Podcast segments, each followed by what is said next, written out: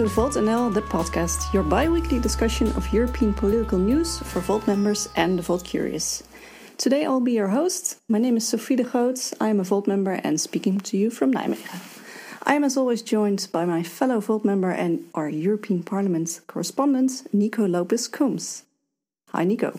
Hey there. And also by Amsterdam team member Renske Ebbers. Hello, Renske. Hey, Sophie. As part of the lead up to the European parliamentary elections on the 23rd of May, we are devoting an entire episode to the three pillars of Volt Nederland's platform.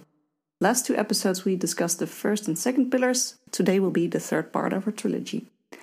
The first two were making the EU more humane and sustainable and making the EU a world power. This week we will devote our third episode to give the EU back to the people. We will have three segments exploring that topic today. First, we have, as always, a check in with Nico into EU Parliament. Then we will move on to an interview with Reinier van Lanschot, who is Volt's party leader for Volt Nederland and first candidate. We finish with a roundtable discussion of VAT fraud, fraud in Europe, which will be led by Renske.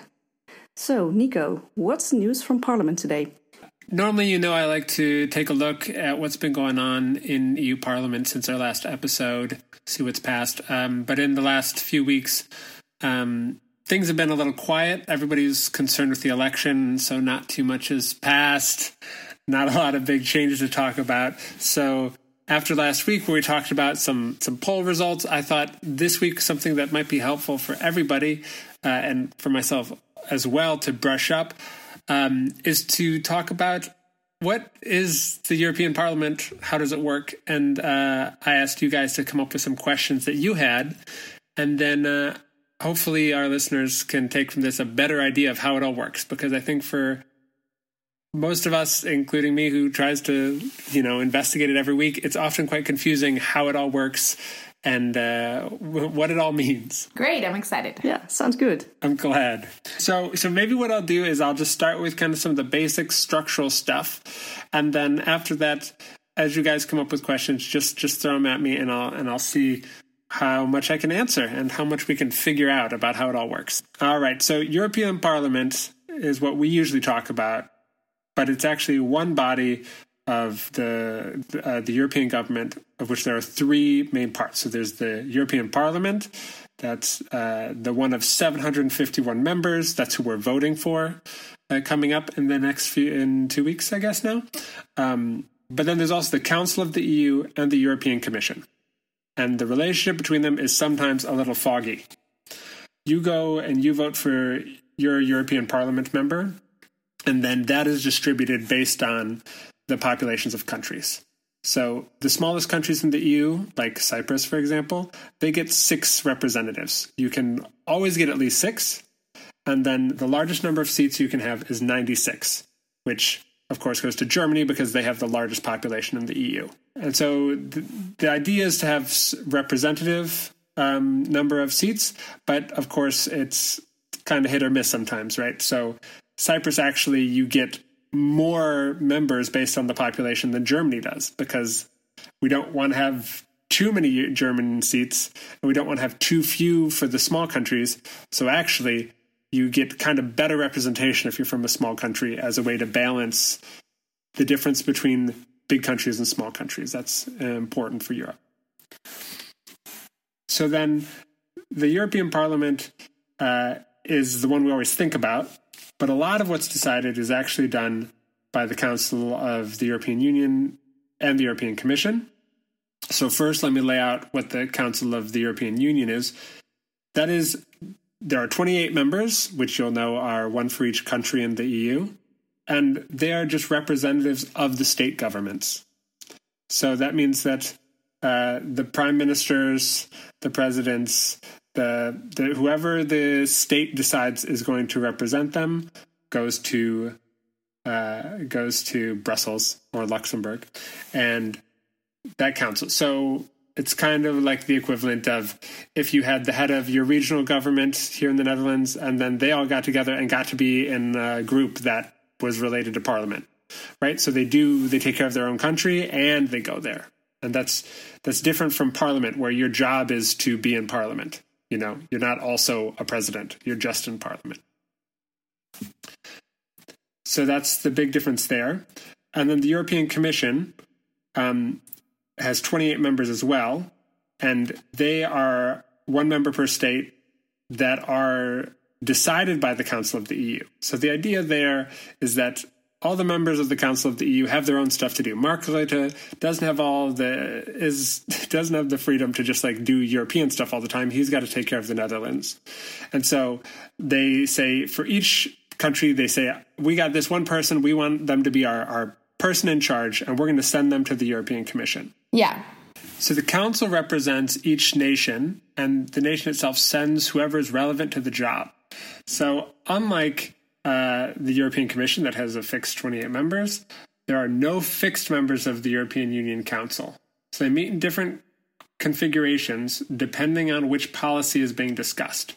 The idea being that the Dutch government can say, look, this is we're going to send someone from our transportation board, our, our minister of transportation, to the Council of the European Union because this person she knows the best uh, about this topic and then at a different time send someone else. So it's always one representation, but it's not a fixed person, and their job is to represent the government, not as much to represent individual voters. Um, because in the Netherlands, when you walk around or at work or on the street, uh, people complain about the laws from Brussels overruling our law. And how does this work? Can EU law like overrule, overthrow national law? Good question. The EU law since 1972 overrules national law. The European Communities Act said that the priority does go to the EU, which makes sense because otherwise the EU would essentially be toothless. It wouldn't be a government if the bigger government cannot overrule the small one. So basically, we only vote for one of the institutions of the of the EU. So only for the European Parliament. I know that Volt wants to um, also implement the election of a like European president. So that might make things a bit more democratic. But what do you think about this idea that the EU is actually not very democratic? Because if you what you just told us, not a lot of the people that are working for the EU are actually elected by the European people. Um, well, so we know that we vote directly for European Parliament, but we don't vote for the Council of the European Union, uh, and we don't vote for the European Commission. However, the people in the European Commission have to be approved by Parliament. So they have veto power, um, but it is not a direct voting situation. And that's why some people have said the EU should also have the head of the European Commission or the president of Parliament or the president of the Council of the EU be voted on directly to uh, make more of the representation uh, be in the hands of individual citizens as opposed to being, you know, a step removed.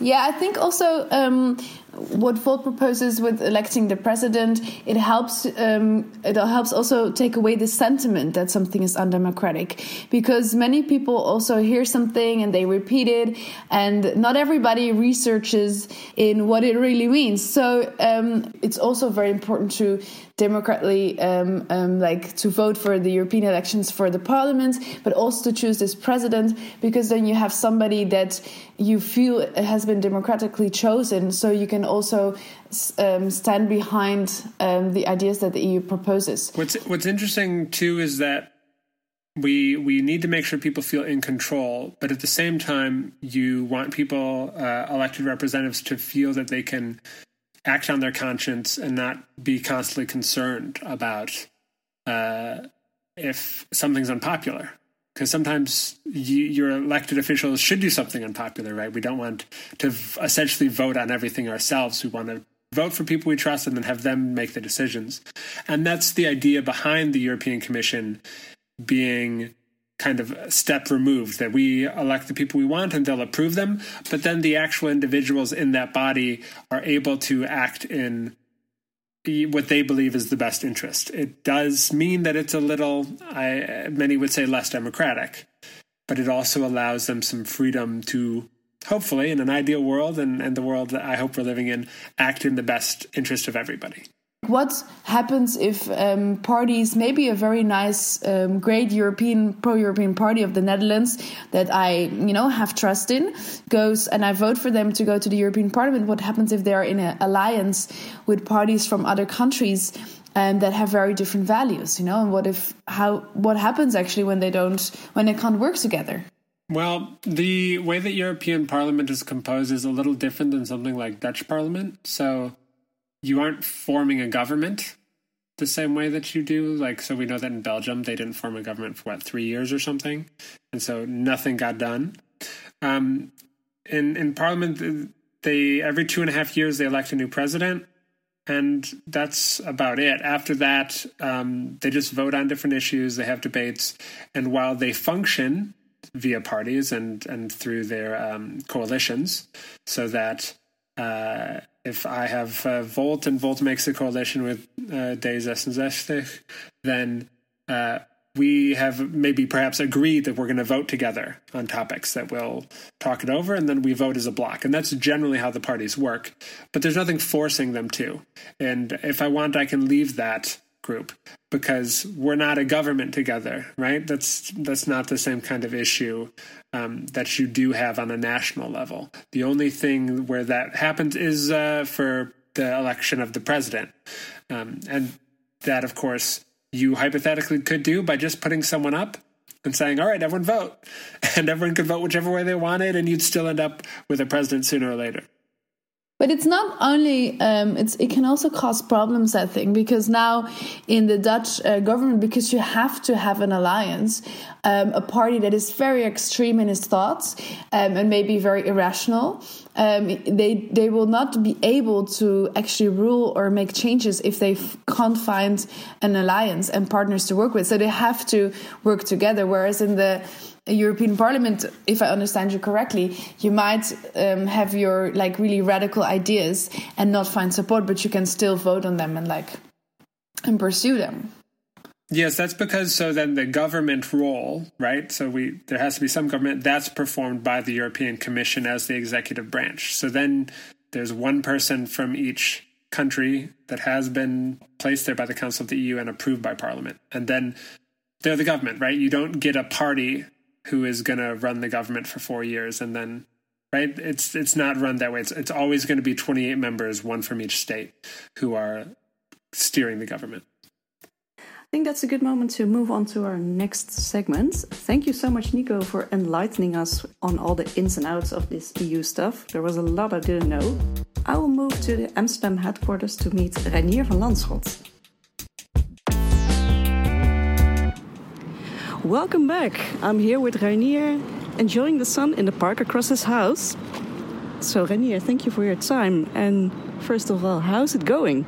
It's going very well. Um, in the past weeks, I've had this very uh, odd sensation that for the first time in my life I sort of I can really feel the positive energy and adrenaline flowing through my body almost constantly. For the in the past two weeks, I had like six moments where I got a, got a message that we were invited to a television show, that something else went really well, that a, a team did something cool in a, in a city, and that I literally sort of started cheering as if I was cheering for my favorite football team in a train or uh, in, in my bed. Even I woke up, I got a text, and I was like, "Yeah!" When, the, when the positive polls came out, and um, that's that's extremely cool. So today's episode is, of course, about giving the EU back to the people. And the first thing I'm interested in is uh, the general knowledge about the EU. Uh, today uh, we talked about how little we still know about the EU, even we as politically active, engaged citizens. Uh, what do you think will be the solution to that? Yeah, so I think there's another question underneath it that I would like to answer first. Why is this important? And um, why is it important? Because politics determines our lives. And the thing is that everybody uh, has a huge disinterest for the EU, if, or, or, not even they just have a have a big question mark because they know so little about it. Um, but everybody is interested in the um, in the topics and the, the challenges that we face that the EU has to confront. And because of the lack of knowledge of the EU, people don't know how to influence it. Yeah. And that's why uh, it's important to increase the, the knowledge. And interest can only uh, start when you have a first basic knowledge. Yeah. And um, if you look at Dutch education, uh, you see that in the average uh, high school grade called VMBO, um, which 70% of the people go to, uh, they get less than 45 minutes and one and a half page in a book about how does the EU function. Um, and that's way too little, if you ask me. It's almost nothing. Yeah, it's almost nothing. Even, even I can uh, uh, can recall from my high school time that I didn't really uh, know anything about it either, and I got very little education in it. Yeah.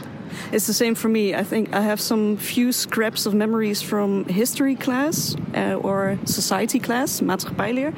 But that was it, and there was, no active engagement with the EU and what happens in politics. Yeah, and add to that that there's not really a European public sphere, Yeah. um, and the fact that most of our uh, media and the cool shows we watch on Netflix Yeah. and television series and stuff are very uh, based in the United States. So that's why most people know in, in the Netherlands know more about the system in the US Yeah. than they know about the EU. Yeah. Um, what do you think is the best way to connect and engage the people who feel a huge distance to the EU? There's a lot of emotional talk about uh, the EU uh, making laws for us, overruling the national governments. Um, what do you think is the best way to keep these people in and not uh, ruling them out? I, I'd say besides education, um, we need a European public sphere, and for that we need a European public broadcasting agency, Yeah. which we have. But also we need to lower the bars to engage actively. Yeah. Um, and I think we've seen in the past decades um, people too much as consumers. And uh, what I've learned from my time with Involt is that people tend to take the uh, to take up the amount of responsibility you give them. Yeah. And if you see people only as consumers, they are going to act irresponsibly. Yeah. But if you give people responsibilities, they will act responsible. Yeah. And I think the citizen assemblies that we've seen in Ireland, for example, when the abortion, they had this random pick of people that were a good reflection of society Yeah. that were included not in the end of the um, decision making process, but in the beginning. And if you include people not only in the what, because most of the Yeah. times we are.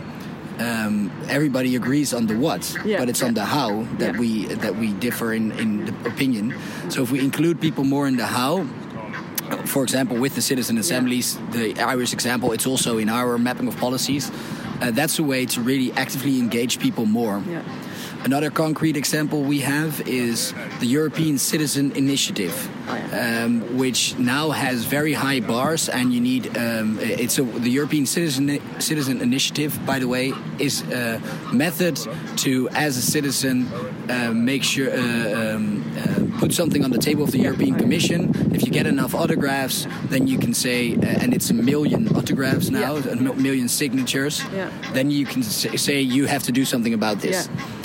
And it has been tried about 75 times now in the past eight years since its introduction, and only two of them actually made it. Oh, Uh, and it's partly due to the fact that there's this administrative hurdles that are too high, Yeah, yeah. and because you need a million signatures, Yeah, which is it's- a lot. which is a lot, yeah. Yeah. So so we want to lower that bar to half a million signatures. yeah. What I think um, a lot of populists now find the solution in including people in politics more in referendums or referenda and that's not in our uh, in our policies because we believe that uh, complex problems can't be uh, decimated to a simple yes and no Yeah. question. Makes me wonder that the European Broadcasting Network that you talk about is that the same that produces the Eurovision Song Contest? Um, no, prob- probably not. No. Probably not. Are you a fan of the European? Song yeah, I'm a big fan, and the thing is, I think it's really ironic that up, all, right? all the Europeans. They suddenly, it's like just when you, your national football team is playing, that all the people feel like one, Yeah. and Europe feels like one when there's the Eurovision Song Contest coming up. So only for stuff like entertainment, Europeans unite on that one night. But for politics or like real decisions, real things that cannot be uh, decided by yes or no, people are either silent or they don't know. Yeah, and, and you, I don't think you can expect people Yeah. to be as much engaged as, for example, as uh, a lot of people within Volt are Yeah. now, because not everyone has the uh, uh, the option or even the the, the wish uh, to spend their lives thinking about politics, and Yeah. I don't think we can expect that from people. No, it's- And uh, another thing is w- what for me is very important. Why I believe Volt is such a good idea, and also a way to include citizens. I think. Um, if you look at Dutch politics, a quarter of the people almost never never votes. Yeah. So if you look at the second chamber, there's 75% that vote for our parliament. But if you look at the European Parliament votes, only half of that went voting, so 37%. Which means that I think we have a definitive option to include another 37% of the Dutch people in European politics. And for that, we need to bring the same process and the same debate we have on a national level Yeah. to a European level. And um, it's in our current system, it's as if we have uh, national parliamentary elections and you are only allowed to vote for local parties. yeah. If Which we- is weird. Yeah. It is so weird. Yeah. If we would have that in the Netherlands, people would like, why? Change it. Um, yeah. And for a true democracy, you need true. Yeah. For a true European democracy, you need true European political parties. I can't say that. Yeah. I, I can't. I can't stress it more. But I'm just going to say it again Yeah. because it's so important to me. For a true European democracy, you need true European political parties, and that's why my sincere hope is that we will also get a real uh, uh, European party like Volt with the same program and the same uh, name in each country that's very conservative or uh, very uh, socialist Yeah. or uh, in all these different different spectrums so we can actually move the debate to the right level Yeah. what what my belief is also that we do we need to make uh, majority voting the way to Yeah. go ahead because whilst at the same time giving people a bigger voice within the European Union we also need to give the European Union the tools to actively and uh, um, to actively react to massive events that happen and if you always have to reach consensus then um, you can't swiftly react to big changes Yeah. Um, so if we would um, make it truly democratic, where a majority decides while keeping the interests the interests of the minority at heart, which is for me the democratic uh, basic uh, rule of law Yeah. um, ideals that we have here, then we can uh, actually have a European Union that solves problems. Yeah. I think it's good to wrap it up here. Do you have one last message or shouts to the listeners and the potential voters? Ooh, um, I, every day now I see that what we've been working on for the past two years is really falling in its place. Yeah. We see all these volunteers all over the country and all over the continent. So I've, Yeah. I get texts from people who are in Germany saying, "Hey, a Volt poster," and I think all those small efforts combined Yeah. are adding up, and Yeah. we need two more weeks of full focus. Yeah. Then we can win seats in the parliament and start uh, bringing the change we want to see in the world. So, uh, my last shout out would be a big thank you for everyone who's contributing to it, and let's go another two weeks. Thank you so much, Reinier, and keep this energy the next two weeks. And good luck. Thank you very much, uh, Sophie.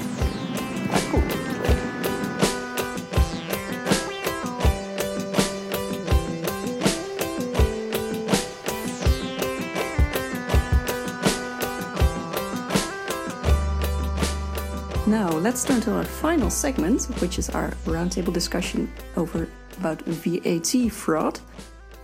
I only knew VAT as value added tax. That's the abbreviation. Renske, please tell me more about VAT fraud. Yes, so um, this is a very exciting, uh, exciting article that is called Grand Theft Europe. It is actually um, done by a cross-border investigation group of independent uh, journalists uh, called Correctiv, and they research um, EU-related. Topics and, and themes.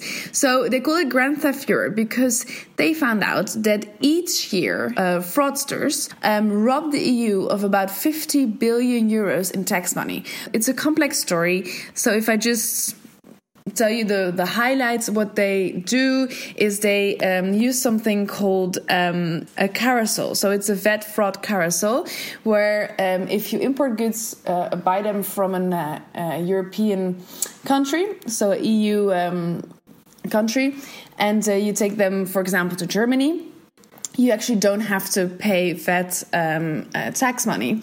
But if you keep on reselling it within the country, um, you can ask for the tax money. So that means that the one company that um, got the goods without paying tax for them, but then selling them and asking tax money uh, as an addition. So what you're saying is that um, you're supposed to pay taxes for each step in you know your your sales process. You know you're selling items before they get to the end of the line right? So i buy a phone i send them to a store that sells the phone again. But no no because the first time that you buy it if you buy it from another european country you don't have to pay tax on it in your own country.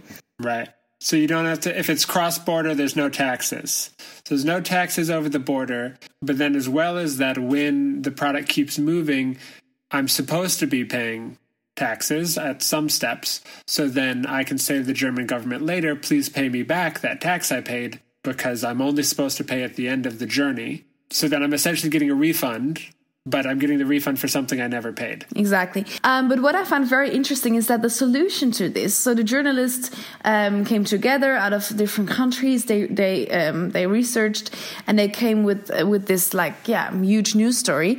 And actually, it's it's it's quite simple solutions um, because how to um, how to get rid of this problem is to work closely together. So the biggest problem here is that every EU country has different laws on tax.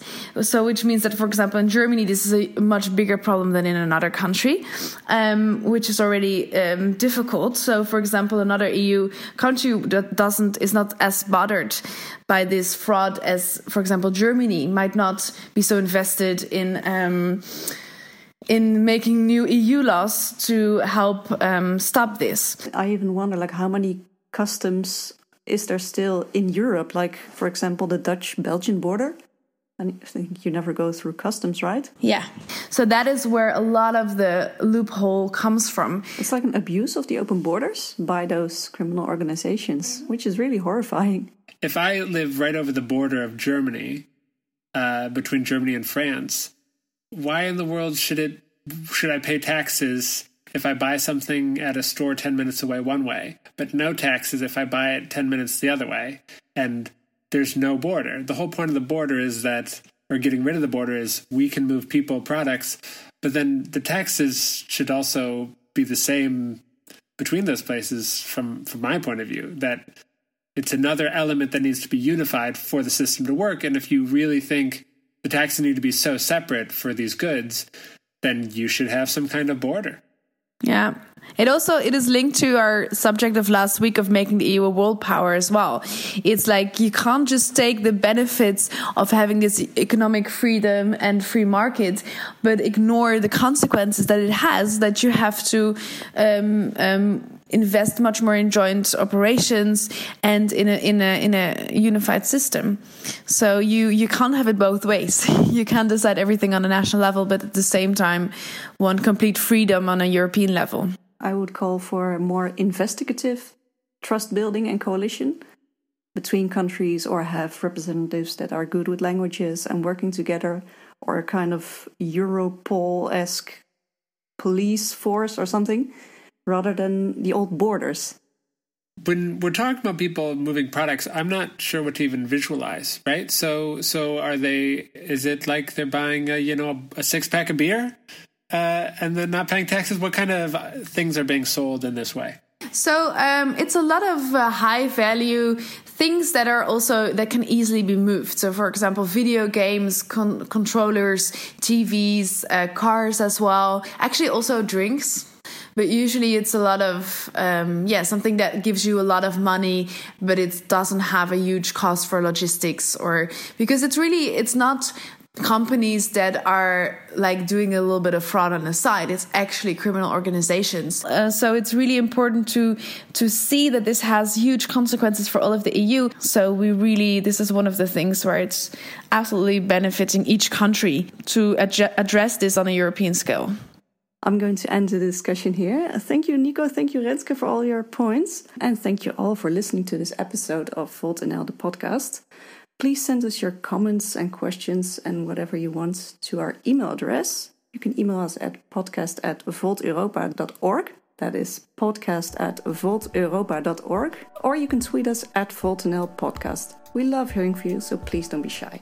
This is the last episode uh, in the build up to the European elections. The election begins the 23rd of May, so of course, please don't forget to vote. And if you vote, please vote Volt. Thank you again, Nico and Renske. Vote Volt! Vote Volt. And please vote Volt. Bye. Bye!